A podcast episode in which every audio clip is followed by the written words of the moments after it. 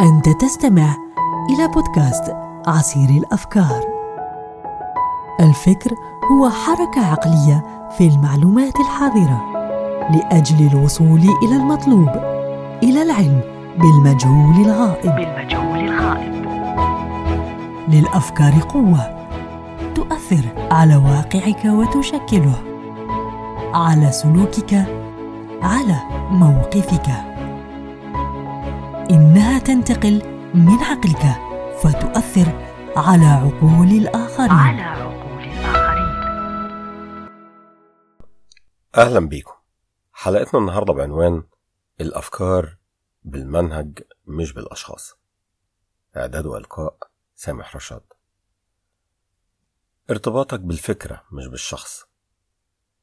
أنا وإنت بتعجبنا أفكار كتير بنمشي بيها في حياتنا وبتكون قاعدة لنا ناخدها منهج وطريقة في التعامل مع الأحداث والمواقف اللي بنعيشها.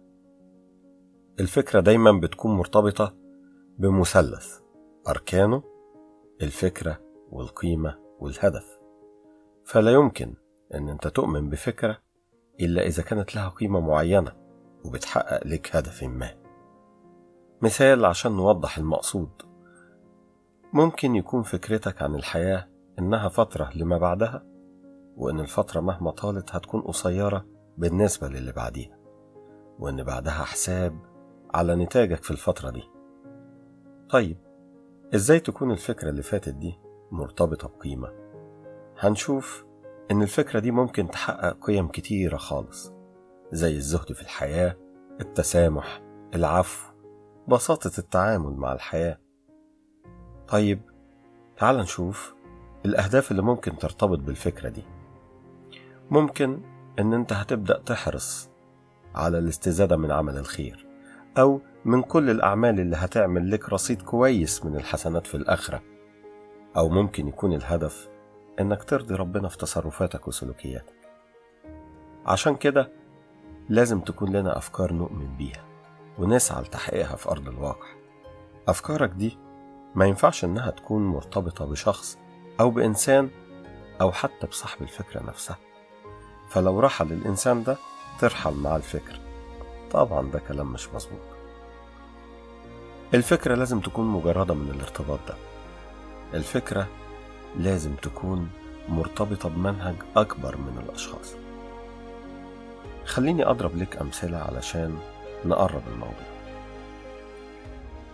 لما مات النبي صلى الله عليه وسلم كانت صدمة كبيرة على المؤمنين.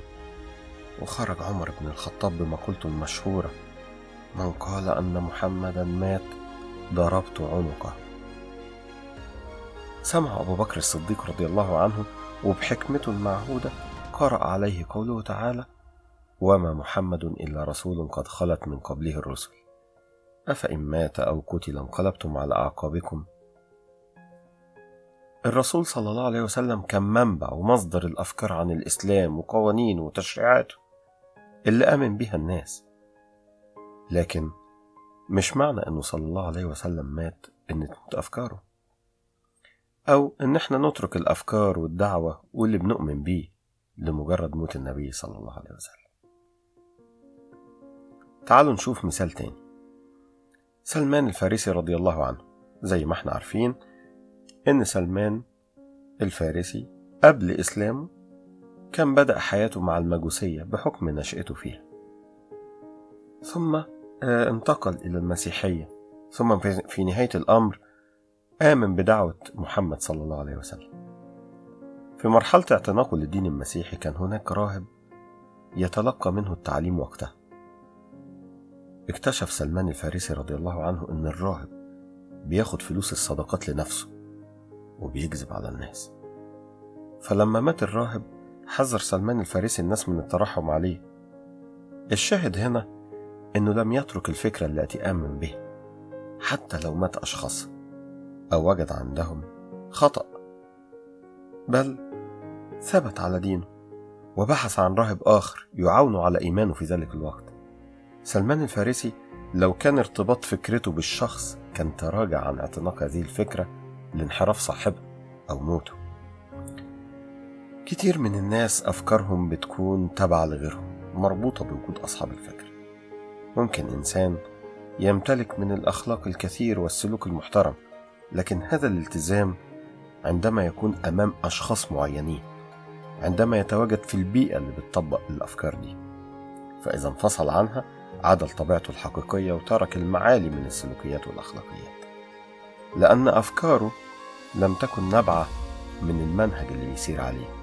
تلاقيه بيتلون بحسب حال الناس اللي بيعاشرهم وبيخالطهم. فإذا انفصل عنهم كانت أفكاره وسلوكه وقيمه في الدركات وليس في الدرجات. أفكاره بتتلون بالمكان الجديد وبالأشخاص الجدد. عشان كده لازم أفكارك تكون نابعة من المنهج من منهج الحياة اللي أنت عايز تطبق فيها أفكارك مهما كان الأشخاص اللي حواليك. تطبقها حتى لو كنت لوحدك. تطبقها حتى لو مات أصحاب الفكرة اللي أنت بتتمثل بيها. كده بنكون وصلنا لنهاية حلقتنا من عصير الأفكار. أرحب جدا بتعليقاتكم على الإيميل سامح دوت رشاد دوت كي at gmail.com أو على الواتس